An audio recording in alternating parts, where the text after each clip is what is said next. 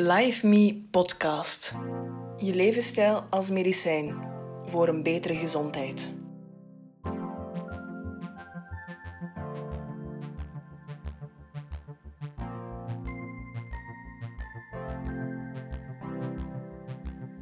Ik ben Lende Nijs en dit is de Live Me podcast. We laten elke aflevering een expert aan het woord over hoe de wetenschap over levensstijlgeneeskunde kan helpen bij bepaalde ziektebeelden. En vandaag zullen we het hebben over een probleem dat maar liefst bij 15% van de Belgische bevolking speelt in meer of mindere vorm, namelijk migraine. Vaak is het zo dat lifestyle medicine volledig complementair kan zijn aan de klassieke geneeskunde, en volgens ons is dit bij migraine net zo. We willen langs de ene kant de symptomen aanpakken, maar langs de andere kant willen we absoluut het hele plaatje bekijken en op zoek gaan naar onderliggende oorzaak van de symptomen. Deze aflevering zit ik samen met Philippe Quetin, die ons wegwijs zal maken binnen heel dit migraineverhaal. Dit kan een heel impactvol probleem zijn bij velen en daarom zetten we in de show notes de gegevens van Philippe en van ons, zodat mensen die hier nog vragen bij hebben, dat die ons zeker kunnen contacteren. Maak je nu in elk geval klaar voor een deep dive in all things migraine met Philippe Quetin. Dag Philippe. Dag Len. Voordat we beginnen, wil ik u even oud doen voelen. We zijn tien jaar geleden afgestudeerd samen. Ja, inderdaad. Fantastisch. Oké, ehm, vertel eens even iets over u. Ja, graag. Um, wel ja, we hebben dus samen gestudeerd. Hè. We zijn allebei master in de therapie. Na mijn opleiding in, in, Leuven ben ik nog manuele therapie gaan studeren. Ik ben dan aan de slag gegaan als zelfstandig kinesist in, uh, in Gelk, um, in gezondheidscentrum Drie Bunders. Uh, daar werk ik sindsdien, dus daar heb ik al uh, sindsdien heel wat ervaring opgebouwd door het behandelen van cliënten met en zonder migraine. Um, ondertussen werk ik ook als kinesist in, in Hasselt, in de praktijk Cure, bij mijn broer. Um, naast mijn bezigheden als zelfstandig kinesist ben ik ook praktijkassistent aan de Universiteit Hasselt. Daar ben ik nu sinds 2019 ook bezig, dus dat heeft ook wat meer variatie met zich meegebracht, wat ik heel fijn vind. Daar, daar kan ik ook wat meer mijn, mijn interesse in het wetenschappelijke exploreren. Ik ben als, als kinesist nu namelijk ook gespecialiseerd in chronische pijn, chronische vermoeidheid. en dat heeft er eigenlijk ook toe geleid dat ik ehm, ja, dat ik meer bezig ben geraakt met, met migraine. Ja, omdat we zien eigenlijk in onderzoek en, en in de praktijk dat, dat vooral bij die populatie mensen met chronische pijnklachten en andere chronische klachten, dat migraine heel vaak voorkomt. Dat blijkt ook in onderzoek, hè, dat er een link is tussen de nociplastische pijnsyndromen uh, en, en migraine. En zo ben ik, zoals je zelf mooi zei, in een deep dive gegaan. Um, twee jaar geleden, drie jaar geleden ben ik... Uh, ook door opleidingen gedaan te hebben, geprikkeld te zijn geraakt, ben ik eens uh, alles gaan zoeken wat ik kon. Op, op internet heb ik via Cochrane en PubMed um, ben ik een hele literatuurreview gaan doen over alles wat ik kon vinden. Met migraine, omdat ik dat toch wel een, hele, ja, een heel boeiend probleem vond, maar ook wel wat enigmatisch. Hè, in die zin dat het heel complex is ja. en zich ook heel anders voordoet bij, bij verschillende mensen. Als we nu even gaan bekijken wat dat migraine net is en wat het onderscheid is tussen migraine en gewone hoofdpijn. En dan kunnen we eigenlijk zo gaan kijken naar wat dat uw deep dive net heeft uh, tot inzichten gebracht. Ja, ja zeker. Um, dus er zijn een aantal uh, soorten van, uh, van, van hoofdpijn natuurlijk. Hè. Hoofdpijn is iedereen wel bekend, de meeste mensen maken het ook mee. Maar migraine is wel een heel uniek soort hoofdpijn inderdaad. Um, en, en als we gaan kijken naar de, de internationale criteria, dan, dan, ja, dan, dan zijn er wel een aantal dingen die, uh, die eruit springen en die het migraine ook onderscheiden van andere soorten hoofdpijn. Uh, langs de ene kant migraine, wat is heel typisch, um, dat is dat het heel aanvalsgewijs komt. Hè? Dus dat uh, wil er zeggen dat het, het plots opkomt. Het kan 4 uur tot 72 uur duren ongeveer. Nu, wat er dan heel vaak nog bij, bij komt, dat is ehm, een van de volgende twee, dus ofwel misselijkheid en beraken, ofwel een overgevoeligheid voor, uh, voor licht en geluid. En dat noemen ze dan uh, fotofobie en fonofobie. Nu, uh, wat, wat migraine ook nog typeert, wat, wat we bijvoorbeeld bij spanningshoofdpijn en klushoofdpijn niet zo gaan zien, dat is de, de aanwezigheid van aura. Hm. Um, een aura dat is eigenlijk een, een, een tijdelijk en ook een, een, een terug omkeerbaar neurologisch symptoom. Um, dus dat wil zeggen dat het uh, afkomstig is van het zenuwstelsel. En met aura, dat, uh, dat, dat kan ook heel erg verschillend zijn tussen uh, verschillende patiënten. Dus, dus een aura is een neurologisch symptoom zoals um, iets, iets, een afwijking in gehoor, in, in, in wat we zien, in het zicht, in dingen die we voelen. Um, en dat is in het begin van de van de hoofdpijnklacht? Ja, heel vaak gaat het inderdaad nog vooraf aan de hoofdpijn. Dus heel vaak in het begin dat het eh, voorkomt. Dus nogmaals, niet elke migraine, eh, mig- migraineur zal aura ervaren. Ehm, de meeste mensen weten wel of ze daar gevoelig voor zijn of, of niet. Ja. Maar eh, heel vaak is dat, is dat inderdaad een, een, goh, een laten we zeggen, een, eh, een inleiding hè, van, de, van de migraineaanval. Begin het daarmee. Dat kan heel kortdurend zijn en, en heel vaak gaat men van daaruit dan over naar de hoofdpijn. Ehm, ook wat, wat boeiend is, is dat die, ehm, die, die aura's, dat, dat zowel kan gaan om positieve als negatieve neurologische symptomen. En bij een positief symptoom, dan komt er eigenlijk iets bij. Hè. Dat kan bijvoorbeeld gaan over het horen hè, van, van oorsuizingen. Hè. Dus het horen van geluiden die er niet zijn. Als het gaat over het zicht bijvoorbeeld dat afwijkt, ja, dan, dan, kun- dan kan het soms zijn dat mensen iets gaan, iets gaan zien. Hè. Bijvoorbeeld eh, flikkeringen, glinsteringen en dergelijke. Uh, maar het kan ook gaan over een negatief symptoom. En dan, dan gaat het over gehoor, bijvoorbeeld over uh, verminderd gehoor, hè, gehoorverlies. Wat, wat visus betreft, dus het zicht, kan het zijn dat men echt delen van het, het van het gezichtsveld gaat verliezen. Mm. Dus dat men het minder goed gaat zien. En dat is hetzelfde ook bij de spraak. Hè. Men kan minder goed uh, kunnen spreken plots. Of, uh, of, of minder goed voelen, of net tintelingen voelen, hè, als het positief is. Dus die dingen zijn doorgaans uh, uh, maar een aantal minuten aanwezig. Je kan er eentje hebben, of bij sommige mensen zien we net dat er verschillen tegelijkertijd optreden. Ja. Oké. Ik merk vaak dat mensen eigenlijk niet, niet, niet heel snel tot bij de dokter geraken, of omdat ze gewoon zeggen van, ah, dat zal wel hoofdpijn zijn, of dat heel veel mensen uit de omgeving gaan zeggen, ja, stel u niet aan, dat is maar een hoofdpijn.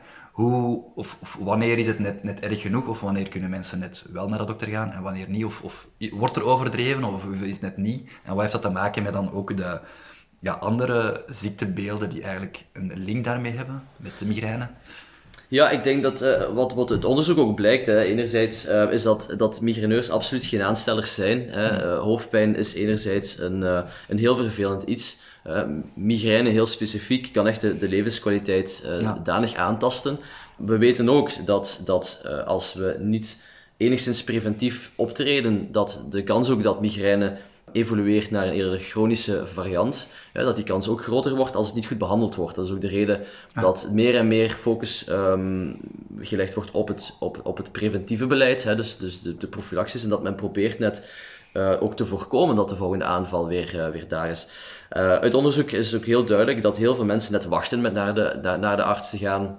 Ze schatten ook dat er heel veel mensen niet gediagnosticeerd zijn mm. of fout gediagnosticeerd zijn. Dus dat wil ook zeggen dat er natuurlijk heel wat mensen rondlopen die eigenlijk last hebben van migraine, uh, soms wel in, in ernstige mate, en toch niet bij de, bij de arts belanden, uh, wat, wat natuurlijk zonde is. En, en dat leidt heel vaak tot, uh, tot problemen.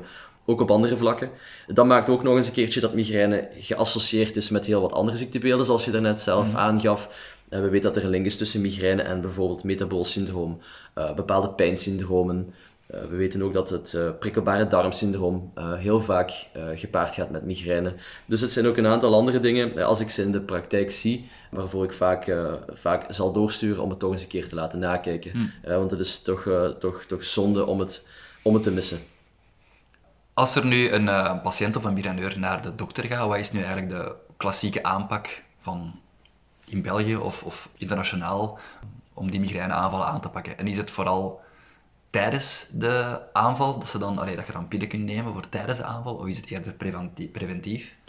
Ja, daar zijn natuurlijk ook richtlijnen voor. Um, nu is het zo dat, dat over het algemeen, uh, dat merk ik ook in de, in de, in de praktijk, uh, dat er heel symptoomgericht um, mm. opgetreden wordt, wat ook heel logisch is natuurlijk. Als de, de patiënt bij de huisarts belandt en, en de huisarts stelt migraine vast, hè, dan, dan, um, dan zal de huisarts al snel een, een medicament voorschrijven. Uh, in, in, de meeste gevallen is dat iets, uh, is dat een gecombineerde pijnstiller zoals excedrine bijvoorbeeld. Hè. Daar zit dan uh, paracetamol in, acetylsalicylzuur en cafeïne. Dat werkt ook wel redelijk bij heel wat patiënten met migraine. Maar dan spreken we ook weer natuurlijk van een vrij symptomatische behandeling. Dat kan bijvoorbeeld ook met triptanen en dergelijke. Dus je krijgt, de, je krijgt de aanval en dan neemt je een pilletje. Ja, dus zo, zo gebeurt het heel vaak natuurlijk. Langs de andere kant uh, gaat migraine vaker optreden bij dezelfde persoon. Uh, dan kan een huisarts of een neuroloog bijvoorbeeld, hè, die, die het meest geschikt is natuurlijk voor de diagnose te stellen, die kunnen er ook voor kiezen om dan eerder preventief te gaan optreden. En dan zijn er ook een heel aantal uh, middelen gekend en in gebruik die ertoe kunnen leiden ook dat de volgende aanval uitgesteld wordt of dat de intensiteit van de volgende aanval of de duur van de volgende aanval ook weer wat, uh, wat minder is. Met wisselend succes, dat moet ik er wel bij zeggen. Bij sommige mensen werkt die uh, preventieve aanpak beter dan bij anderen. Ja. Oké, dus als ze bij de dokter zijn en ze krijgen dan die medicatie voorgeschreven, um, krijgen ze dan ook uitleg over wat, het, wat het migraine net is? Goh, ik denk dat het daar heel vaak stroef verloopt. Hè. En, en, ik denk dat daar ook meerdere redenen voor zijn. Enerzijds heeft de huisarts ook relatief weinig tijd. Hè. Migraine is sowieso al een complexe aandoening. Heel vaak gaat dat ook nog gepaard met andere zaken. De huisarts is natuurlijk ook het meest geëquipeerd om, om uh, rode vlaggen, hè, dus, dus ernstige symptomen te gaan uitsluiten. Dus, dus de, de, de huisarts zal daar enerzijds al heel vaak niet de tijd voor hebben om, om een uitgebreide uitleg te doen. En, en anderzijds is het natuurlijk ook zo dat de inzichten omtrent migraine ook, ook, ook sterk wijzigen. En dan is de vraag natuurlijk ook altijd, ja, hoe up-to-date is de, is de kennis? Ik merk dat dat bij sommige artsen heel goed is. Um, en, en, maar hier en daar zijn er ook huisartsen die misschien niet helemaal hè, mee zijn met de vernieuwingen van de laatste paar jaar, dus dat kan ook. Dus ik merk dat, dat het toch heel vaak uh, aangewezen is aan, aan, mij bijvoorbeeld om die uitleg te doen, omdat wij ja. natuurlijk ook een half uur tot een uur hebben voor, um, voor de patiënt. Hè. Dus uh, um, die, die uitleg proberen wij dan wel te geven. Nu, enerzijds leg ik ook uit van, goh, uit je migraine is natuurlijk ook een heel er ernstig iets, een heel beperkend iets en, en ontzettend onaangenaam natuurlijk, kan heel heftig zijn. Uh, maar patiënten staan er ook heel vaak niet bij stil dat er ook voordelen kunnen zijn aan, aan migraine. Hè. Um, ik denk dat het ook heel belangrijk is om in, om in te zien dat, dat migraine ook voordelen kan hebben en nu effectief ook kan beschermen tegen andere zaken. Hè. Wat ik vaak als, als, als voorbeeld meegeef, um, is dat onderzoek ook aangetoond heeft dat het, het risico op borstkanker bijvoorbeeld afneemt bij mensen die migraine hebben dus dat is ook een heel, heel bijzonder iets. Afhankelijk van het land blijkt dat, uh, blijkt dat ook wat te verschillen. In sommige landen heeft men gezien dat het, risico op borstkanker afneemt met ongeveer 10%. Uh, maar in sommige andere studies blijkt dat 34% te zijn gemiddeld 22%. Ja, dat is ook niet niks natuurlijk. Hè. Toch ook weer uh, heel, heel, heel bizar eigenlijk, omdat beide ziektebeelden toch ook met oestrogenen te maken hebben. Mm. En er zijn ook studies die aantonen dat de kans op bepaalde auto-immuunziekten wat afneemt. Ja. Dus um, het is ook zo dan, het lijkt zo te zijn dat als je migraine hebt, dat ook de gevoeligheid voor bepaalde andere zaken wat, wat afneemt. Dus het, is, het lijkt te gaan om een soort van trade-off tussen twee dingen. Ja. Dus, uh, dus het zou ook een, een, een, zekere vorm van bescherming kunnen zijn. En dat, uh, dat, dat snappen de mensen meestal ook wel als ik dan overga tot de uitleg van goh, wat is dan nu migraine precies, ja. hoe, hoe, hoe, loopt dat? Uh, dan, dan snappen ze ook beter waarom ze eigenlijk eventueel beter beschermd zijn tegen andere zaken. Oké, okay, want leg nu eens uit hoe dat zo'n aanval in elkaar zit. Want inderdaad, misschien kunnen we daar dan handvaten gebruiken om, om met levensstijl of met algemene uh, geneeskunde daar eigenlijk mee om te springen. Ja, uh, wat, de wat de aanval veroorzaakt, hoe dat werkt, of, of eerder uh, de verschillende fasen ervan. Wel, beginnen we misschien met de verschillende fasen. Ja. Ja, goed, eh, dat is, ja, is iets heel interessants. Nu, we weten ondertussen bij migraine dat, uh, dat er een trigger moet zijn. Hè. Dus er moet ergens een, een moment zijn, een, een, een, trigger, een risicofactor, die aanleiding geeft tot het, tot het, het, het, ja, die het eigenlijk het startschot geeft voor het hele verhaal. Mm. Dat kan één grote trigger zijn, of dat kunnen, dat kunnen verschillende kleine triggers zijn. Hè. Dus, dus dat kan ook multifactorieel zijn. Nu, um, het start met die trigger. Het gaat dan door naar, een, de, naar de predrome fase. En, en in de predrome fase dan hebben de patiënten nog niet een typerende hoofdpijn. Uh, maar wat er wel aan aanwezig kan zijn, dat is cravings bijvoorbeeld. Hè? Dus, ja. dus het, het trek hebben in zoete dingen of zoute dingen. Um, uh, vermoeidheid uh, treedt ook vaak op. Men heeft vaker last van stemmingsschommelingen. dat kan geeuwen zijn, wat ook de, de vermoeidheid natuurlijk. Um, wat geassocieerd is met die vermoeidheid. Uh, wat, ook, wat we ook zien is dat sommige mensen vocht beginnen bijhouden. Anderen klagen dan weer van nekstijfheid, uh, gevoelens van depressie, neerslachtigheid. Er zijn ook een aantal mensen die heel erg gevoelig worden voor licht, voor geluid. Uh, geur komt ook heel vaak voor, hè, dus een overgevoeligheid voor geur. En hoe lang duurt die eerste fase dan? Die, die fase die kan zelfs een aantal dagen aanhouden. Ah. Dat kan heel kort zijn, maar dat kan ook, kan ook langer zijn. Um, nu, in extremis zegt men 1 à 2 dagen, hè, maar dat kan ook echt gaan om enkele minuten of, of uren. Ja. Nu, als die predromefase achter de rug is, eh, dan eh, komt daar ook eventueel nog een aura. Hè? Dus, dus dat, kan, eh, dat kan wat in elkaar overgaan. Ehm, het kan ook zijn dat daarna pas het aura ineens, ineens start. maar zoals gezegd heeft niet iedereen dat aura. Daarna start dan de hoofdpijnfase. Die duurt dan, zoals al eerder gezegd, ongeveer 4 uur tot 72 uur. Hè, dus dat is ongeveer de grens. En na die hoofdpijnfase, die, die ernstige kloppende hoofdpijn, dan komt de postdromefase. En, en dat noemen ze ook wel eens een keer de kater, hè, de kater van de migraine.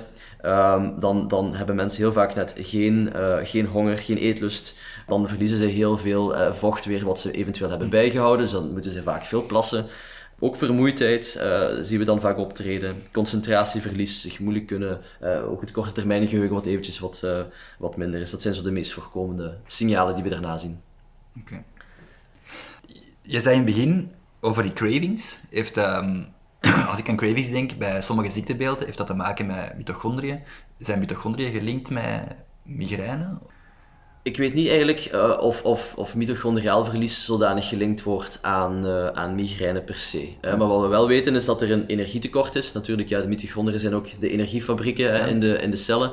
Um, dus we, we, weten ook heel goed natuurlijk dat, dat mitochondriaal rijk weefsel, zoals het zenuwstelsel, uh, natuurlijk sowieso betrokken is bij een migraineaanval. Ja. Uh, wat we zien eigenlijk is dat als je kijkt naar de genetische achtergrond van migraine, dan gaat het heel vaak over energievoorziening, over, over ook de plasticiteit in het zenuwstelsel.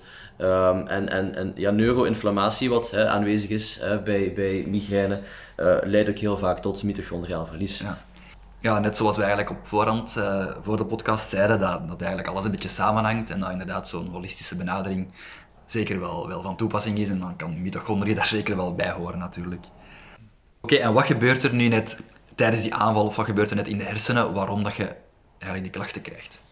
Wel, er zijn eigenlijk twee, twee verschillende zaken. Um, die, die hele kloppende hoofdpijn, we weten dat dat met bloedvaten te maken heeft. Hè. Nu, vroeger dacht men aan, dat het zuiver een vasculaire theorie was, dus dat het eigenlijk enkel en alleen aan de bloedvaten lag. Ondertussen weten we dat migraine in, in eerste instantie eigenlijk een probleem in het zenuwstelsel is. Hm. Um, en, en het is ook heel moeilijk om het precies te pinpointen en te zeggen, het is die, het is die zone. Um, blijkt dat er eigenlijk heel veel uh, verschillende zenuwbanen ook een rol spelen in het proces.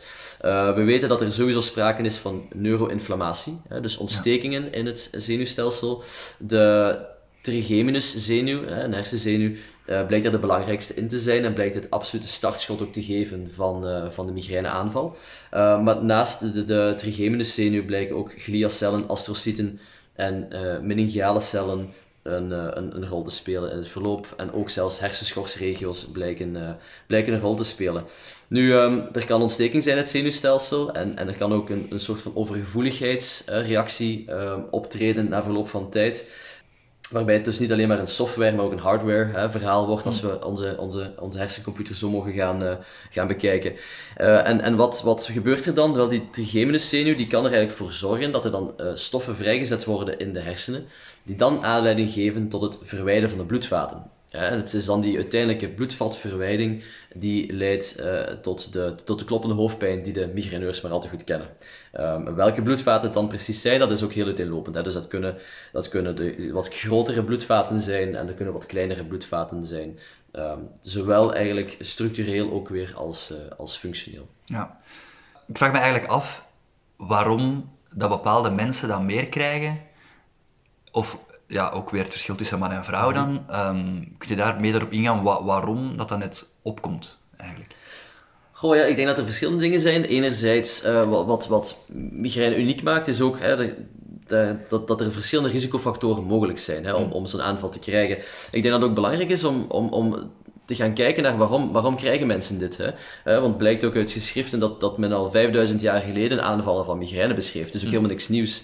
We weten dat zelfs een aantal dieren uh, migraine kunnen krijgen. En, en bij mensen uh, is de hypothese ook dat, dat migraine een vorm is van bescherming voor de hersenen tegen iets neurotoxisch. dus er kan iets zijn dat het, dat, dat, dat het alarm doet afgaan, zeg maar, waardoor de, de, de bloed-hersenbarrière zich moet gaan sluiten. En als dan natuurlijk die bloed-hersenbarrière lang genoeg gesloten is om zich af te schermen, dan uh, leidt dat ook tot een tekort aan, aan zuurstof en, en glucose en aan energie. En natuurlijk is het dan ook logisch, ja, de hersenen kunnen niet heel lang zonder, zonder die energie. Hmm. Dus op een zeker moment moeten alle sluizen weer open. Hè? Dan gaan de poorten weer open. Um, en dan krijgt men die, uh, die, die, die hoofdpijn ook.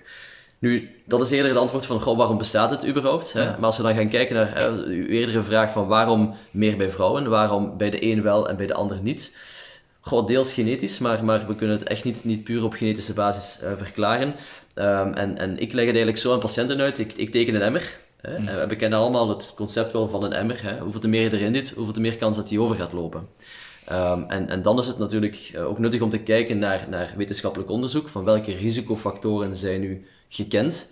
Um, en, en, en deze probeer ik eigenlijk allemaal te gaan, uh, te gaan, te gaan uh, ontdekken bij mijn, bij mijn cliënten. Ja. Van welke zijn er dan bij deze persoon aanwezig uh, die de migraine verantwoorden. En, en van daaruit start ook therapie natuurlijk. Ja, want inderdaad, een derde van de vrouwen krijgt migraine en maar 15% van de mannen krijgt migraine. Dus daar moet wel ja, iets zitten dat en dan denk ik meteen aan, aan hormonen dan, het verschil tussen man en vrouwen is. Ja. Kun je daar wat dieper op ingaan? Ja, zeker. Um, uh, het, is, het is ook heel goed natuurlijk dat het onderscheid gemaakt wordt tussen man en vrouw, want we zien inderdaad dat vrouwen veel meer um, uh, belaagd worden door die migraine natuurlijk de binnenkopper is, is, uh, ja, is geslachtshormonen. Hè? Dus we weten sowieso dat, dat oestrogenen een heel grote rol spelen. Uh, het is ook opvallend dat uh, voorleer de minachje, hè, dus de, dat, de, de, eh, dat, de, dat de meisjes ook hè, de eerste keer regels krijgen, mm. is de incidentie ongeveer gelijk. Dus ja. dan is er eigenlijk helemaal geen verschil tussen man en vrouw. En het, het, blijkt echt iets te zijn dat uniek in de, in de vruchtbare periode van, van, van de vrouw voorkomt. Dus we weten dat, dat hormonen een hele grote rol spelen in het proces. Zowel rechtstreeks als onrechtstreeks. Ik heb ook een studie gelezen van transgenders, die mannen die dan vrouwen worden, die dan ook ineens meer incidentie ja. krijgen van, uh, van migraine. Dus ja. het heeft er wel zeker iets te maken. Precies. Ja, absoluut. En, en er kan een rechtstreekse invloed zijn. We weten dat, de, dat die trigeminuszenuw die dit hele spelletje in gang zet, hè, zoals net gezegd, dat daar heel veel oestrogeenreceptoren op zitten. Dus dat wil natuurlijk ook zeggen, ja, heb je heel veel oestrogenen die circuleren in het lichaam, hè, zeker op een bepaalde, hè, de ene dag al wat meer dan de andere, hè, kan, het een, uh, kan dat plots aanleiding geven tot een, uh, tot een, een, een, signaal naar de hersenen om dan migraineaanval uit te lokken. Anderzijds weten we ook dat, dat, dat het niet alleen om hormonen rechtstreeks gaat, maar dat oestrogenen ook invloed hebben op andere neurotransmitters, zoals serotonine en dopamine, en op mineralen zoals magnesium, hè, om maar een voorbeeld te geven. Dus, dus oestrogenen kunnen rechtstreeks uh, bepaalde hersendelen uh, prikkelen of de trigeminus prikkelen. En ze kunnen dat ook onrechtstreeks door te zorgen voor een, een, een andere balans in de minerale status of neurotransmitters. Is het zo dat dat dat vooral voorkomt bij vrouwen die net voor hun menstruatie of tijdens de menstruatiecyclus, dat die dan net meer migraine krijgen? Ja, ja absoluut. Um, dat is ook een verhaal wat we heel vaak horen. Um, heel veel vrouwen weten dat ook heel goed van, van, hè, van zichzelf. Van, goh, er is zeker een hormonale invloed, mm. want hè, de, de dagen voor hè, dat ik mijn regels krijg bijvoorbeeld, um, uh, komt, komt de pijn typisch op. Het kan echt maandelijks uh, een cyclus zijn. Um, dus we weten dat dat zeker een rol speelt. En we weten ook dat er een, hè, een link is ook tussen migraine dan en, en PMS bijvoorbeeld. Hè. Um, dus premenstrueel syndroom. Dus dit, dit, zijn zeker, uh, het zijn zeker dingen die we heel vaak, heel vaak zien. Uh, dat die plotselinge piek in, in, in, de, in de hoeveelheid oestrogenen uh, aanleiding geven tot een trigger. Hè, dus een trigger zijn voor, ja. voor migraine. En wat kunnen we daar nu specifiek mee doen? Want ja, het is goed om te weten dat dat zo is. Maar moeten we nu gewoon met de pakken blijven zitten? Of kunnen we daar rechtstreeks iets mee mee aanvangen? Ja, wel. Uh, ik denk dat dat ook weer iets is uh, wat we vanuit verschillende hoeken moeten bekijken. Enerzijds is het natuurlijk zo, um, ik ben geen eh, gynaecoloog bijvoorbeeld, ik ben ook geen huisarts. Um, dus er zijn een aantal zaken waar ik ook voor doorstuur. Hè. ik denk dat dat belangrijk is ook om te weten van, is alles oké? Okay, dus, dus ik denk dat dat altijd natuurlijk de eerste, de eerste vraag is die je moet stellen, uh, vanuit mijn standpunt zeker. alles oké met ja, dus alles oké. Okay. Um, zijn er bepaalde oestrogeenstoornissen hm. bijvoorbeeld? Hè? We weten bijvoorbeeld dat er een aantal aandoeningen zijn, zoals PCOS bijvoorbeeld, een aantal uh, uh, oestrogeenafhankelijke ziektebeelden bijvoorbeeld. Ja. Um, ik denk maar aan endometriose en PCOS, dan weten we dat dat ook uh, multifactoriële syndromen zijn, waarbij dat impact heeft op, op fertiliteit, maar evenzeer impact heeft op bijvoorbeeld hormonen zoals insuline, leptine, cortisol en dergelijke. Dus ja, goed, kijk, het is ook belangrijk soms dat je ook bepaalde dingen gaat uitsluiten hè, die, die, die oestrogeenbalans kunnen beïnvloeden. En de meeste, de meeste dames natuurlijk uh, die last hebben van migraine zijn al wel eens bij een huisarts geweest. Ja. Uh, maar toch, uh, soms is het goed om dat te controleren. Anderzijds weten we ook wel dat er ja, invloed kan zijn van orale contraceptiva bijvoorbeeld. Hè. Je gaat natuurlijk ook door het geven van een gecombineerde pil hè, wat spelen met, met het oestrogeen- en progesterongehalte hè, van de jonge vrouw Ehm, en, en ook dat is natuurlijk uh, belangrijk om na te gaan of dat geen impact heeft op het, uh, hele, op, het hele beeld. We weten anderzijds ook dat... dat ja, vertel misschien daar eens over, over die contraceptie. Is het dan wel goed of niet goed om te geven aan, aan jongere vrouwen met migraine? Um, het is zo dat, dat uh, ik, natuurlijk, ik, ik vind het moeilijk om daar een uitspraak over te doen in, in, de, in de goede of de negatieve zin. We weten allemaal natuurlijk dat we, dat we heel dankbaar moeten zijn dat het, dat het bestaat. Um, dat het, dat het, um, het heeft zeker voordelen. het is ook veilig gebleken. Hè? Ik bedoel, dus het is niet zo dat het, dat het echt grote gezondheidsproblemen met zich meebrengt. Het is ook niet bewezen dat, dat uh, orale contraceptiva rechtstreeks aanleiding geven tot uh, migraine. Uh, maar we weten natuurlijk ook wel dat, uh, dat, dat, dat aanpassen van de orale contraceptiva bij heel wat vrouwen leidt tot een verbetering van. Dat bijvoorbeeld staafje bijvoorbeeld inbrengen, ook bij sommige vrouwen een verbetering met zich meebrengt. Dit zijn wel dingen waar, waarvoor ik doorverwijs, moet, ik, moet, ik, moet ik eerlijk bekennen. Maar het onder de aandacht brengen natuurlijk van, van een, een jonge vrouw met migraine Um, dat, dat er invloed, invloed überhaupt kan zijn van, van die hormonale uh, toestand, dat is al heel belangrijk. Hè? En dan is het verder ook aan de arts natuurlijk om, uh, om te kijken of ze daar iets mee, iets mee kunnen doen. Het is ook heel vaak een en-en verhaal. Orale contraceptiva hoeven niet altijd een probleem op zichzelf te zijn, uh, maar in combinatie met andere levensstijlfactoren is het eventueel wel mogelijk hè, dat het een probleem geeft. We weten ook bijvoorbeeld hè, dat we in voeding soms een te grote oestrogeenbelasting uh, te verwerken krijgen. Ah, ja, het is, ik wil daar zeker op terugkomen, maar dus misschien is dat handig om te, nog eens die analogie te maken uh, met, uh, met de emmer. Dus ja. hè, daar zit bijvoorbeeld ja, oestrogeen versoderd in, en dus met voeding, en wat zit er eigenlijk nog allemaal in? En misschien kunnen we zo duidelijk maken van hoe kunnen we die emmer niet laten overlopen door die levensstijlfactoren eigenlijk ook te gaan benaderen. Ja, die, die, die emmer, Goh, die, is, uh, die is vrij complex, hè, enerzijds. Dus ik, ik zal zo wat, uh, de, misschien laten we zeggen, de top 10 hè, eventjes ook, ook gaan weergeven. Dus we weten enerzijds dat persoonlijkheid een grote uh, rol speelt. nu, persoonlijkheid kan. Maar nu gaat het over mannen en vrouwen, hè, gewoon. Want ja, we zien eigenlijk ook dat migraine ook niet alleen te maken heeft met oestrogeen, maar ook. Dus, ja. Ja. Dus bij mannen en vrouwen hè, speelt persoonlijkheid ook een rol. Hè? Dus we weten dat, dat mensen die neigen naar neuroticisme, ex extraversie hè, en, en, en, en die heel empathisch en sympathisch zijn, dat die ook ietsje sneller last gaan krijgen. Zeker wanneer dat er een conflict is in een huidige situatie of context. Dat wil zeggen, je plaats je een heel extravert iemand bijvoorbeeld in een coronasituatie bijvoorbeeld, ga, ga die op een, uh, gaat, die, gaat die eenzaam worden bijvoorbeeld, kan die er al snel last van krijgen. Mm. Um, uh, zijn ze eerder neurotisch van aard, uh, en ze komen in een heel onveilige situatie terecht. Gaan ze er ook gewoon veel meer last van, uh, van, van, hebben. Dus het is ook belangrijk om te kijken naar de, de context waarin die persoon zich bevindt op basis van de unieke persoonlijkheid. Anderzijds, andere risicofactoren die we goed kennen, dat is overgewicht bijvoorbeeld, hè, metabool syndroom, is geassocieerd met ontstekingsgevoeligheid, heeft impact op bloedvaten eh, op, op langere termijn. Dus overgewicht is een probleem. Uh, een tekort aan beweging uh, zit er heel vaak in. Mm -hmm. Mond- en tandvleesproblemen, slaapproblematiek. we weten ook dat een tekort aan slaap of slaapkwaliteit, slaapapneu, dat dat allemaal risicofactoren zijn. Voornamelijk voor de progressie van acute en chronische migraine. En natuurlijk ja, voeding, uh, cafeïnemisbruik uh, bijvoorbeeld, allerlei andere stressoren uh, blijken allemaal een grote rol te spelen.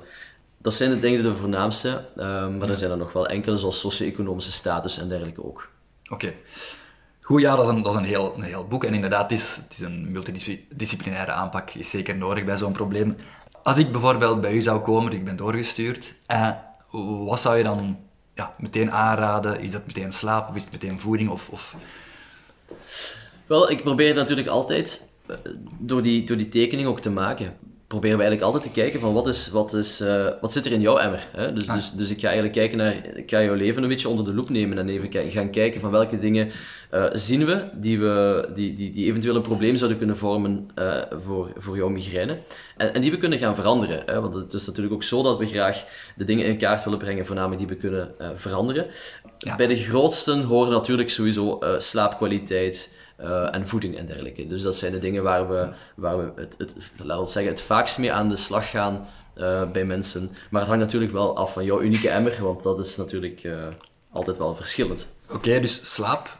Um, is het dan vooral slaapkwaliteit dat belangrijk is, of is het tijdens dus, of na een korte nacht dat mensen een aanval hebben? Ja, het is zo dat het, het zelfs één nacht slaaptekort kan al een aanval uitlokken. Hè? Dus dat kan heel snel gaan Hangt er ook weer vanaf hoe vol de emmer met andere factoren is natuurlijk. Hoeveel, meer, hoeveel meer risicofactoren in de emmer zitten, hoeveel te makkelijker ook, ook uh, slaap een, een, uh, een, een, een, trigger zal, zal worden. Maar, maar slaap is echt wel heel belangrijk. En we weten dat één, uh, één, één verstoorde nachtrust al kan, ervoor kan zorgen dat je je stresshormonen, hè, zoals cortisol, 30% stijgen de dag erna. dus dat weten we. Anderzijds, als, de, de, als het ritme verstoord is, hè, zelfs na één nacht, dan kan dat invloed hebben op je lichaamstemperatuur, op, op, op ook de voeding die je weer inneemt, op, op hoeveel je gaat willen bewegen de volgende dag. Um, het leidt tot hormonale schommelingen. Dus natuurlijk, ja, één nacht slecht slapen is... Het is niet alleen maar de slaap, het is ook de impact van slaap op alle andere systemen natuurlijk. En wat zijn dan zo de toptips dat je meegeeft in de praktijk? Wel, um, ik, dus enerzijds geef ik heel wat slaaphygiënische maatregelen mee. Hè, mm. van kijk, probeer de situatie thuis natuurlijk al zo gunstig mogelijk uh, te organiseren. Anderzijds is er qua suppletie ook nog wel iets wat we kunnen, wat we kunnen doen, wat ook heel mooi evidence-based is bij migraine. Om eventjes misschien op die slaaphygiënische maatregelen terug te komen. Ja, wat we mensen meegeven is, s ochtends bijvoorbeeld als je opstaat, probeer zo snel mogelijk buiten te komen. Hè. We weten dat hoeveel te sneller mensen uh, buiten in het natuurlijke zonlicht uh, komen, zonder zonnebril, zonder toestanden. Um, hoeveel, te, hoeveel te beter ook het, het, het ritme, hè? hoeveel te beter de slaapkwaliteit.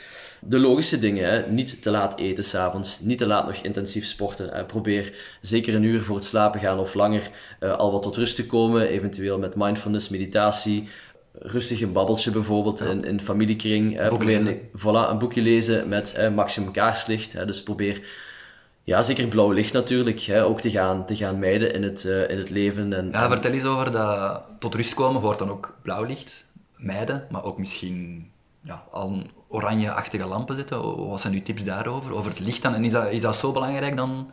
Ja, het lichtaspect is zeker, hè, zeker belangrijk. Hè, want, want het is zo dat in de, eh, ja, je hebt zoiets als een, een, een moment van de dag, in de namiddag, vroege avond, dat je melatonine begint hè, te produceren. Ja. Een hormoon dat heel belangrijk is om ritme aan te geven uh, en, en ook om de slaapkwaliteit uh, naar de rand te gaan uh, bevorderen. Ook een heel belangrijke antioxidant trouwens in de hersenen, die, die, die, um, die ook de gliacellen en dergelijke tot rust kan brengen. Ja. Die, die, die een grote opkuis, zeg maar, s'nachts kan genereren.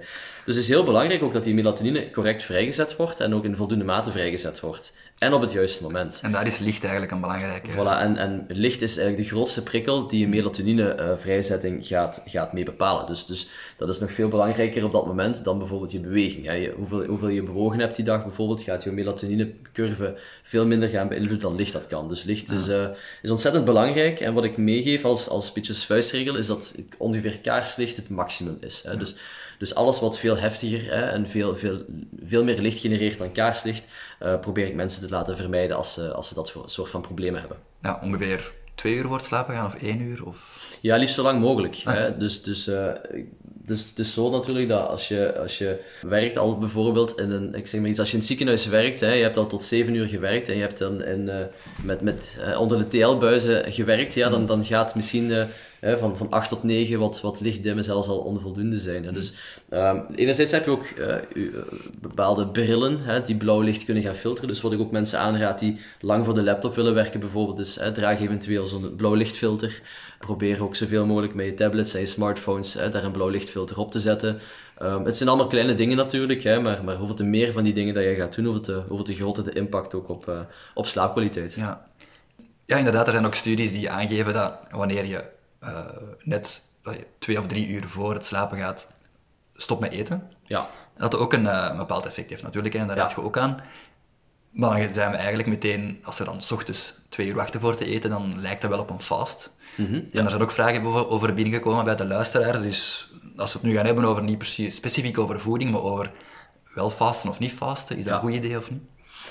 Het is een, het is een controversieel iets bij migraine. Um, ik ben op basis van wat ik allemaal in de wetenschappelijke literatuur gevonden heb, ik ben volledig pro-fasting voor mensen met migraine. Maar het is wel iets wat, wat, wat goed opgebouwd moet worden.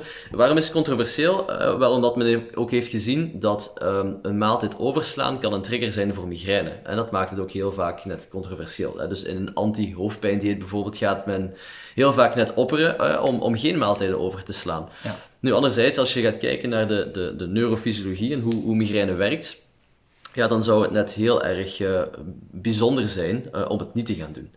Uh, je wilt net een zo goed mogelijk uh, metabolisme, uh, je wilt een zo goed mogelijke energievoorziening naar de hersenen doen. En we mhm. weten dat intermittent fasting of, of time-restricted feeding, allerlei varianten ook op dat die ervoor zorgen dat er bijvoorbeeld meer MCT-transporters gaan komen in de bloed-hersenbarrière. We weten dat, dat de insulinegevoeligheid verbetert. We weten dat, dat, dat, dat het uh, ontsteking en neuroinflammatie uh, kan, kan, gaan, uh, kan gaan verbeteren. Dus, dus er lijken net heel veel voordelen aan gekoppeld te zijn, maar wat men in bepaalde dieetinterventies gezien heeft, is dat het gewoon niet op korte termijn soms werkt. Dus, dus mensen, moeten, mensen moeten het ook, lang genoeg doen en, en effectief in een, een, als het kan ook in een ketogene toestand terechtkomen. Maar het lijkt zeker ook voordelen te hebben, dat absoluut. Je hebt er net gezegd, die triggers. Wat zijn nu net de triggers? Want dat zijn we misschien vergeten. Wat zijn net... Want heel veel mensen zeggen van, oh ja, ik mag geen chocolade eten. Of ik mag geen wijn drinken.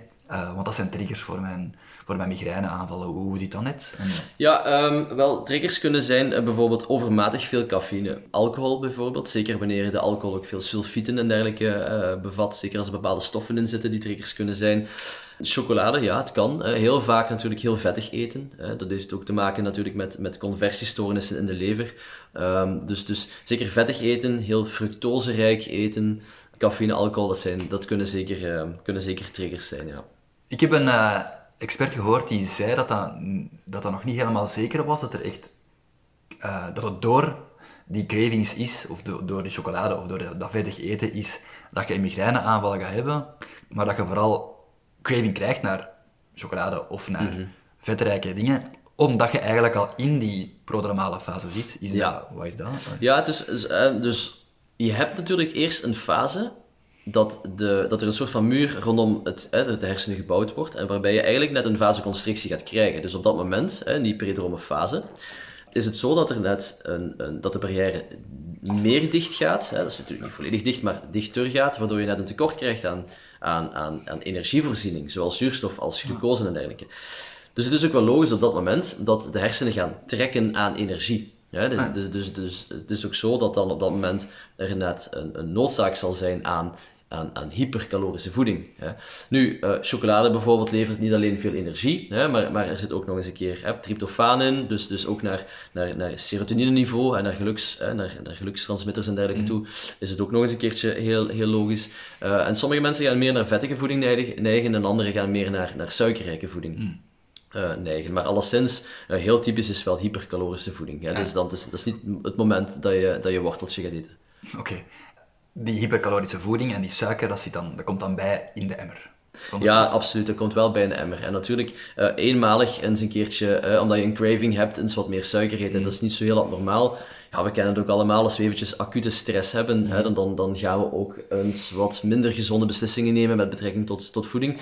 Natuurlijk, hoeveel te, hoeveel te meer dat een chronisch beleid wordt, hoeveel te problematischer dat het is. We weten dat, dat, dat, dat een fructoserijk dieet bijvoorbeeld het polyolmechanisme activeert en uh, leidt tot, tot uh, toename van sorbitol en zwelling van cellen. Dus dat leidt effectief tot, tot grootschalige celdood. En, en dat zijn dingen die, uh, waarvan we weten dat dat echt wel tot, tot beschadiging in het lichaam leidt. Waar zit fructose net veel in? Of is ja, fructose heeft soms natuurlijk een bad rap, hè, een beetje een slechte naam, ehm, maar, maar fructose zit evenzeer in fruit. Hè. Dus, dus mm. we kennen langs de ene kant de fructoserijke uh, fruitbronnen. Hè. Er zit heel veel in bananen, druiven en appel en dergelijke. Dus mm fructose is niet per se slecht. Hè.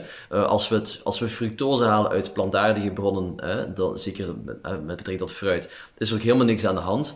Maar fructose wordt ook heel veel toegevoegd aan uh, stroop en, en, en, en dus siropen en koeken en dergelijke. Dus van het moment dat eerder industrieel en bewerkt wordt, hè, dus, dus daar koeken en gebak en dergelijke, uh, ja, dan wordt het gewoon overload. Hè. Dan wordt het allemaal een beetje te veel van het, van het goede.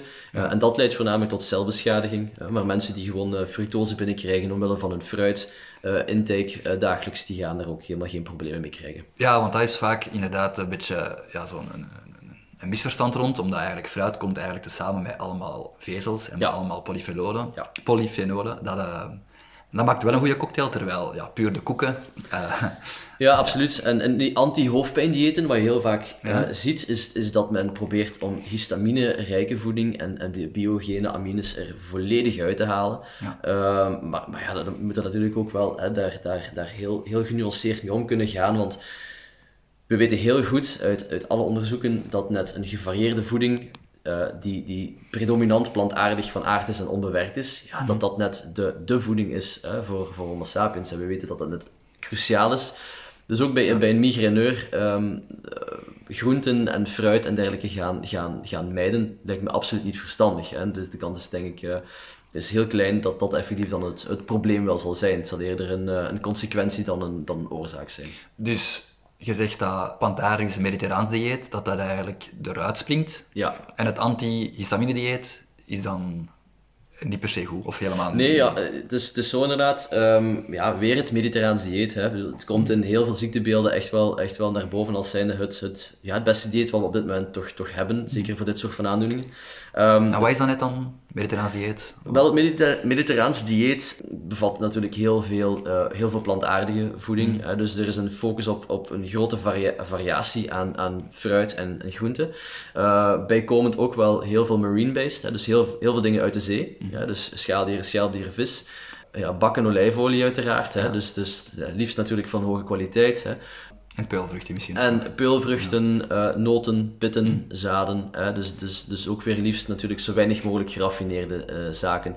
Dus wat dan ja, iets minder aan bod komt uh, bij het mediterraans dieet. dus in lichte mate ook nog wel wat, wat, wat, ja, wat rode wijn bijvoorbeeld. Mm. en wat, wat geraffineerde koolhydraten, zoals pasta en dergelijke. Maar, maar, maar hoofdzakelijk inderdaad plantaardig. En eigenlijk dat dieet bevat, zegt je, allee, heb je op voorhand gezegd dat dat ook wel histamines bevat, dus dat kan, dus die antihistamine dieet klopt dan eigenlijk. Nee, het is dat. Ze hebben, ze hebben ook studies gedaan waarbij ze, ze zijn gaan kijken, goh, we gaan een keto dieet doen, en we gaan een mediterraans dieet doen, en we gaan een anti-hoofdpijn dieet doen. Hm. En het anti-hoofdpijn dieet kwam er het allerslechtste uit. Ja. En daarom heeft men, in dat, dat hoofdpijn dieet, heeft men uh, alle alcohol eruit gehaald, alle cafeïne eruit gehaald, mm. al die amines, histaminerijke voeding eruit gehaald. Mm. Dus dingen die, waarvan we weten dat het triggers kunnen zijn, puur theoretisch gezien, allemaal eruit gehaald.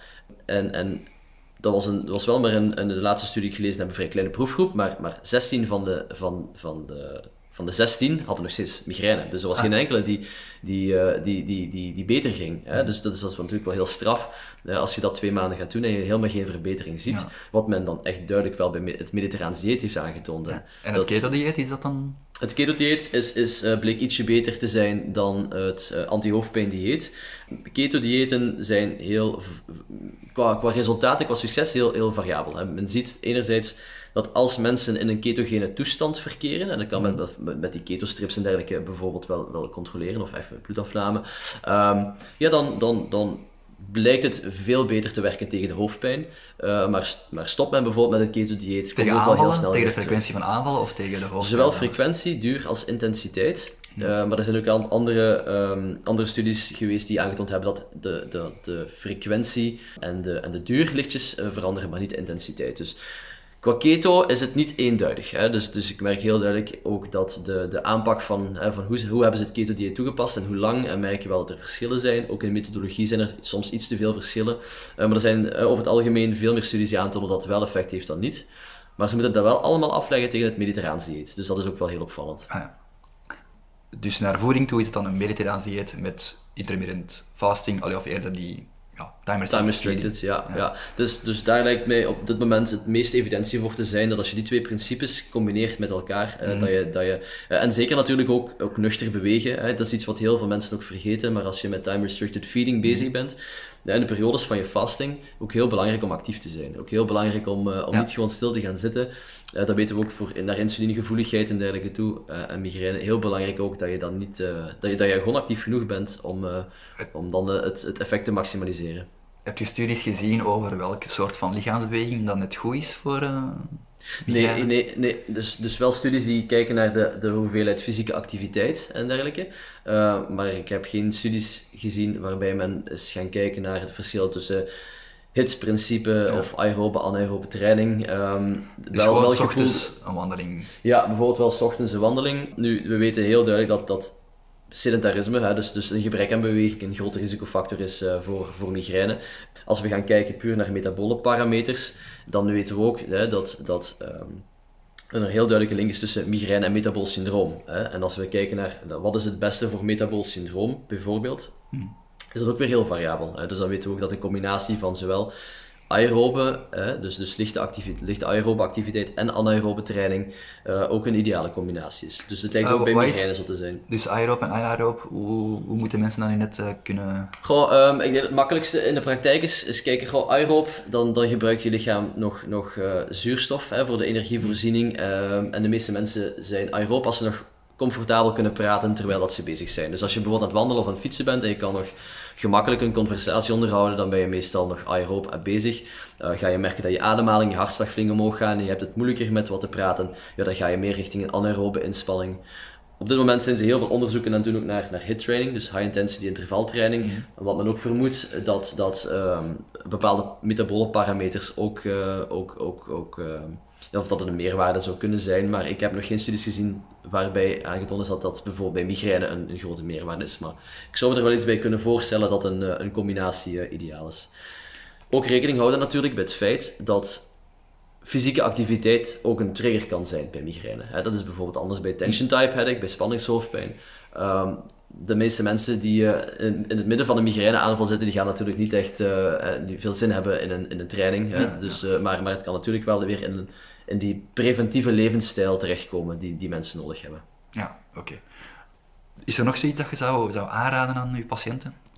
Goh, um, er zijn nog wel heel wat, heel wat zaken. Um, zoals ik al zei, uh, mond- en tandvleesproblemen bijvoorbeeld is ook een grote, een grote risicofactor. Iets waar mhm. we weinig bij stilstaan. Hè. Ik denk dat er de laatste jaren veel meer geweten is uh, rond, rond maag-darmstoornissen. Ik zie ook bijvoorbeeld heel veel darmproblematiek, zoals ik al zei, bij migraine voor mij is ook orale dysbiose, dus, dus de gezondheid van de, van de mond, mm uh, ook van ontzettend belang naar, naar migraine toe.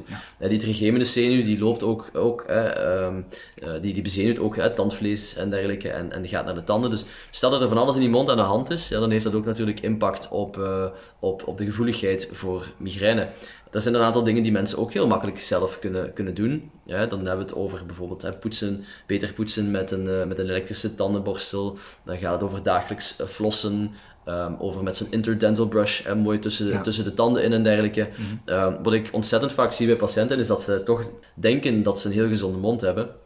Maar zodra je eventjes met zo'n, met zo'n brush en met zo'n klein borsteltje tussen de tanden gaat, dan ineens is het gevoelig, uh, hebben ze bloedend tandvlees en dergelijke. Ja, dat is toch wel heel, heel bijzonder, hè? Want, want tandvlees is normaal anuraal en avasculair. Dat hoort niet te bloeden, dat hoort niet pijnlijk te zijn.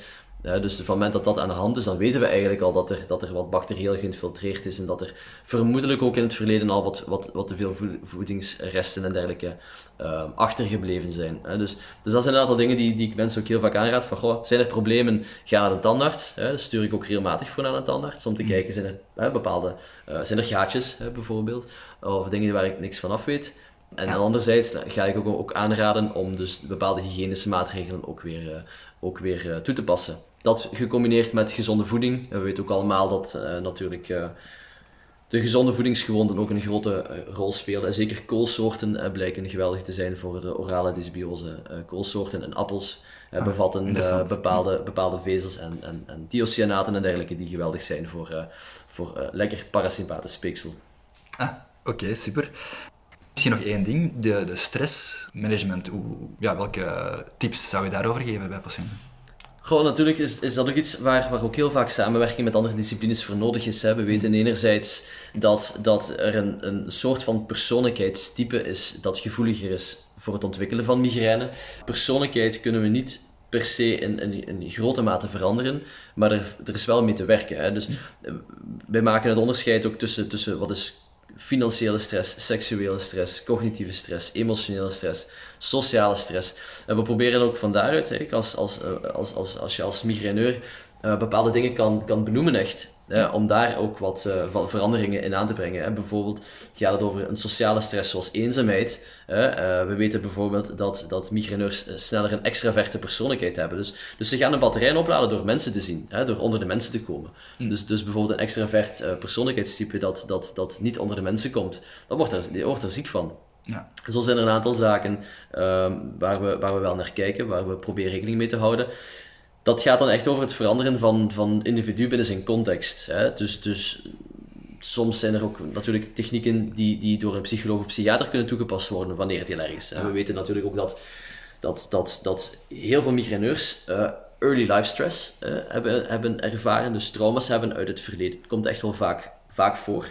Eh, als je natuurlijk merkt dat, dat ja, toch, een, toch een latent trauma bijvoorbeeld een, eh, een rol speelt in het hele verhaal, ja, dan is het natuurlijk ook aangeraden om daar eh, gerichte hulp voor te zoeken.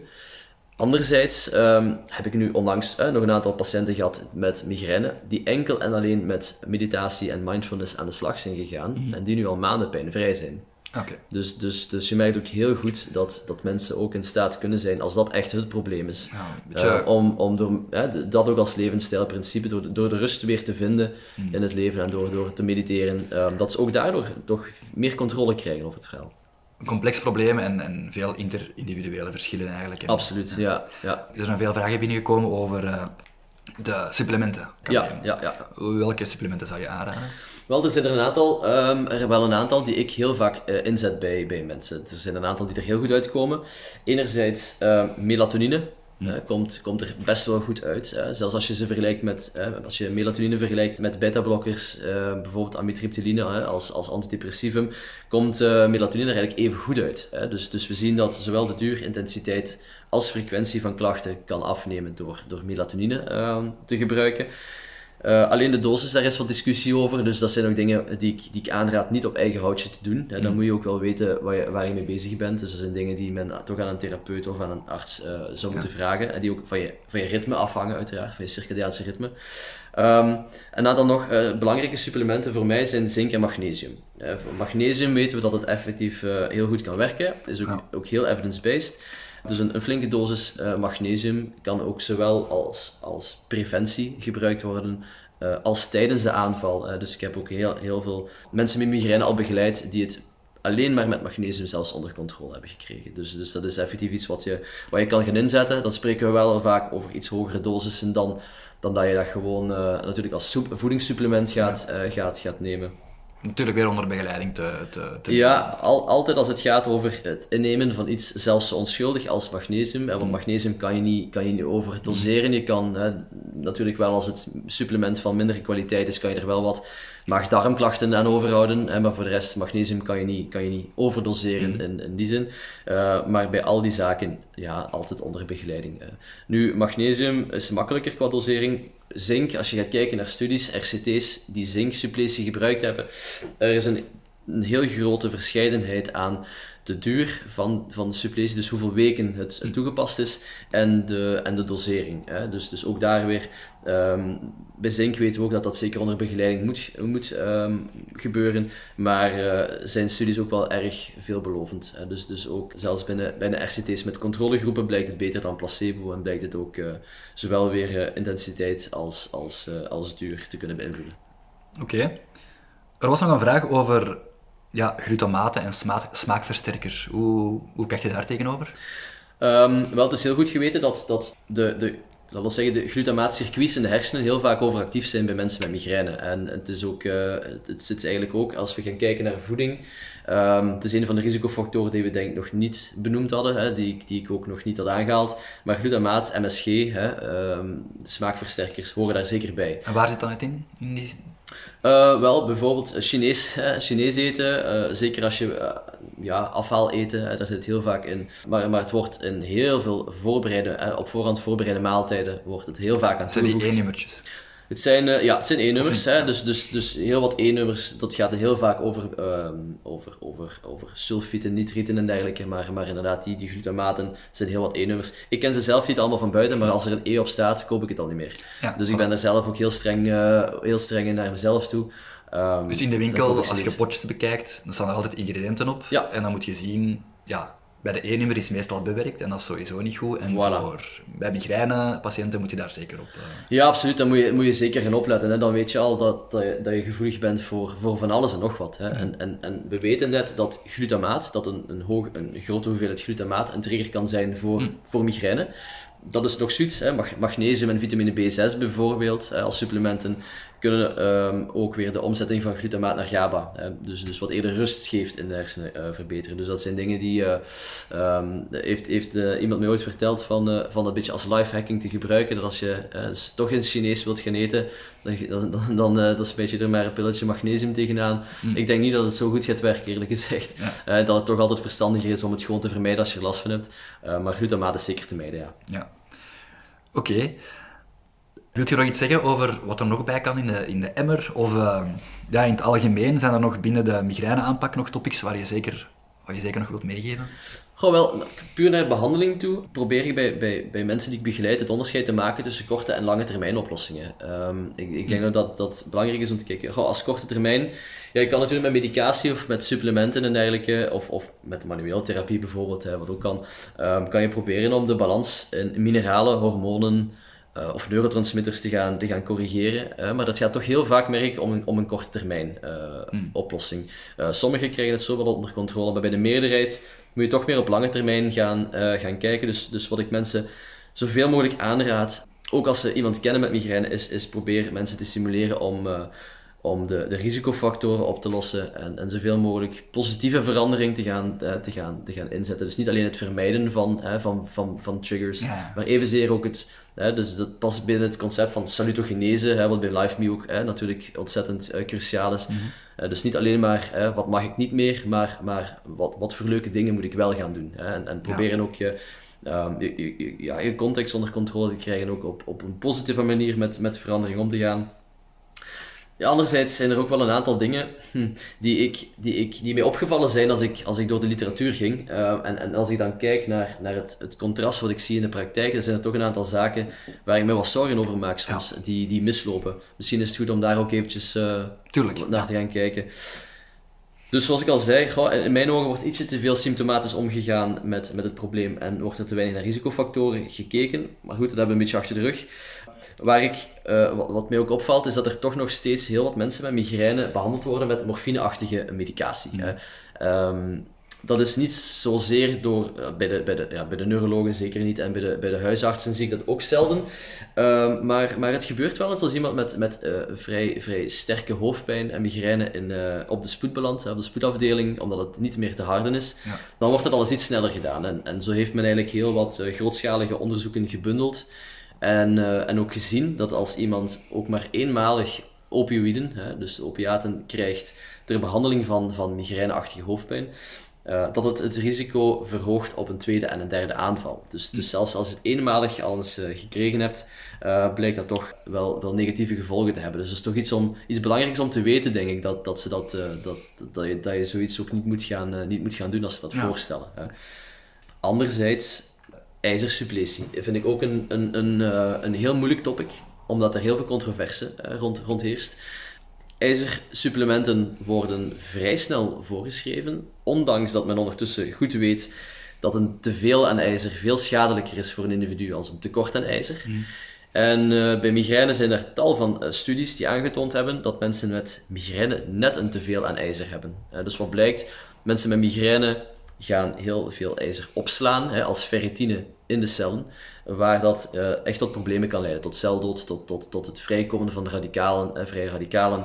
Leidt rechtstreeks echt tot schade in, in bepaalde zenuwbanen. Dus uh, zomaar dat... ijzer suppleren zonder dat je goed weet wat je aan het doen bent, is, is echt not done. En dan, maar op je bloedwaarde kan dat zijn dat je lijkt te weinig ijzer te hebben, omdat eigenlijk dat ijzer al is opgeslagen in je, voilà. in je cellen. Ja, dat is, dat is iets um, wat, waar, waar dus heel vaak de controverse rond ontstaat. Hè. Dus zeker bij jonge vrouwen met pijnklachten, vermoeidheidsklachten, uh, neemt men dan uh, wel, trek, gaat men wel eens bloed trekken en, en, analyseren. Heel vaak zien we dat alleen maar ijzer, de ijzerstatus in het bloed bekeken wordt. Niet onbelangrijk natuurlijk, dat, dat, dat is ook zo. Um, maar het is inderdaad goed mogelijk dat, dat je een tekort aan ijzer in het bloed hebt, maar dat je ferritine, dus je opslag, en er zijn verschillende soorten van ferritineopslag, dat, dat die sterk verhoogd zijn in, bepaald, in een bepaald orgaan. En dat kan echt leiden tot, tot, tot schade. Ja. En dat is ook niet zomaar. Hè? Dus, dus we hebben ook geen homeostatisch mechanisme voor ijzer in ons lichaam. Dat wil zeggen dat als je ijzer gaat innemen via, via voeding bijvoorbeeld, en in het Westen krijgen we wel een, een, een, een flinke hoeveelheid ijzer binnen, uh, we hebben ook geen mechanisme om ijzer uit het lichaam te krijgen. Ja, rood vlees, charcuterie, dat, dat is, dat is dat, toch wel het, het, de, de, we zeggen, de hoofdbron.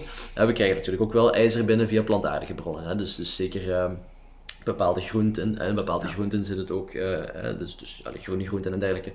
Um, Maar ook weer, zoals, uh, zoals altijd, hè, via de planten is het allemaal zo'n probleem niet. Hè. De biobeschikbaarheid van ijzer is niet zo heel hoog, hè, dus je neemt er een deel van op en je verbruikt weer een deel. Dus, dus je kan de evenwicht wel bewaren, maar, maar consumeert iemand toch regelmatig eens een schroot vlees, en runs en varken en dergelijke, is de kans al heel groot dat je eerder te veel ijzer gaat hebben. De enige manier om ijzer kwijt te geraken in het lichaam is in feite door celschade. Dus als je bloedingen hebt of een trauma hebt, hè, bijvoorbeeld na een operatie, um, maandelijkse cyclus bijvoorbeeld bij de vrouw, dat zijn manieren wel om ijzer kwijt te geraken. Maar globaal genomen is dat niet voldoende om echt met een ijzertekort achter te komen. Maar uh, er wordt veel te snel overgegaan hè, tot, tot het suppleren van ijzer. Wat, wat eigenlijk zou moeten gebeuren, volgens onderzoek is ook de, de, de, de ratio, dus de verhouding bekijken tussen transferine en, en, en, ferritine. En dan kan men veel beter inschatten van is er een infectie, hè? Want, want we weten dat door ontsteking en infectie ook de opslag van ijzer toeneemt. Ja. Want bacteriën, virussen gaan zich net, gaan net voeden, hè? Gaan, gaan, gaan ijzer nodig hebben om zich, om zich voor te planten. Dus dat is ook een heel slimme strategie van ons lichaam net om, om, om te voorkomen dat we, dat we zieker worden en dat die, die pathogenen zich kunnen voortplanten. Dus, dus ga je dan natuurlijk bij iemand die, die net zich daartegen aan beschermen is, ga je die ijzer mm. bijgeven, ja, dan, dan, dan kan het infect verergeren of dan kan het ziektebeeld uh, sterk verergeren. Dus dat, dus dat is toch iets om veel, veel voorzichtiger mee om te springen dan we, denk ik, tot op heden gedaan hebben. Oké. Interessant. Ik heb nog een laatste vraag, eigenlijk puur uit, uit interesse. Als je nu kijkt naar die hele neuro-inflammatoire uh, aandoening, wat zijn zo de pure dingen dat je zou zeggen, top, top tips dat je zou geven voor je neuroinflammatie te, te verminderen? Um, wel, neuroinflammatie, ik, ik, um, ik denk in eerste instantie aan slaap, het verbeteren van, van slaapkwaliteit. Um, uh, ik, ik, moet zeggen dat, dat als er problemen zijn, dat ik ook regelmatig uh, melatonine inzet hè, voor dit soort van, uh, van, van problemen. Maar alles wat een, wat een persoon of een patiënt zelf kan, is, is natuurlijk altijd nog beter. Dus uh, ik probeer altijd een, voor een multifactoriële behandeling te gaan, mm. waar je zowel naar voeding gaat kijken. Je wilt natuurlijk niet nog eens bijkomende inflammatie gaan, gaan genereren door foute voeding. Dus ik zet zowel in als op, op slaap, stressmanagement en, en, en voeding. Um, heel specifiek naar neuroinflammatie is ook die, heel belangrijk is die ketogene toestand van het moment dat je met een, een, een, een neuroinflammatie zit en, en de gliacellen um, ontstoken zijn, de hypothalamus bijvoorbeeld in een, een neuroinflammatie zit, is heel belangrijk ook dat je de glucose uit dat systeem gaat halen. Dus je gliacel kan zichzelf in een, in een aan-toestand houden, mm. in die ontstekingstoestand houden, door zich continu met glucose te gaan voeden. dus, dus kom je af en toe eens een keer in een fasting toestand, mhm. waarbij je suikerspiegel dus niet meer zo hoog is en je bent aan het bewegen, en je, je spieren produceren melkzuur en je stimuleert de, de, de ketogenese in de lever, uh, dan dwing je eigenlijk ook je hersenen om eens eventjes met een andere energiebron te gaan omgaan. Ja. En nu, nu is het dus zo, ja, je moet dan natuurlijk en iets aan slaap kunnen doen, en je moet iets aan, aan voeding mm. kunnen doen, en je moet iets aan je stress kunnen doen.